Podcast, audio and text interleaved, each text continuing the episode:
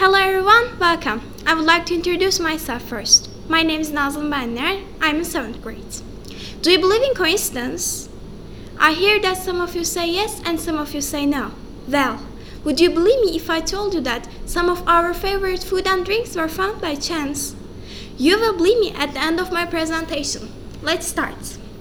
Popsicle ice cream. In 1905, Frank Epperson, who was 11 years old, found that with carbonated drink mix.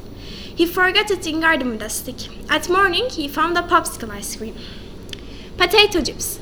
In Moonlight Lodge, which restaurant in New York, a person who wanted to eat french fries always said your french fries are too thick and didn't eat. One day, restaurant chef became very angry and cut the potatoes too much. Then, potato chips was found. Coffee.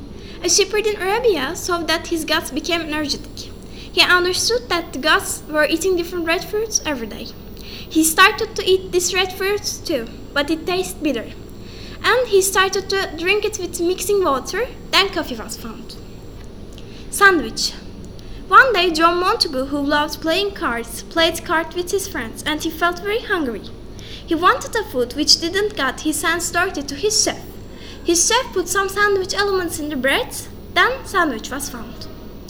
Cornets. According to one legend, in 1940s at a fair, when ice cream boxes were finished, a company which sells ice cream made a tin dough at waffle machine.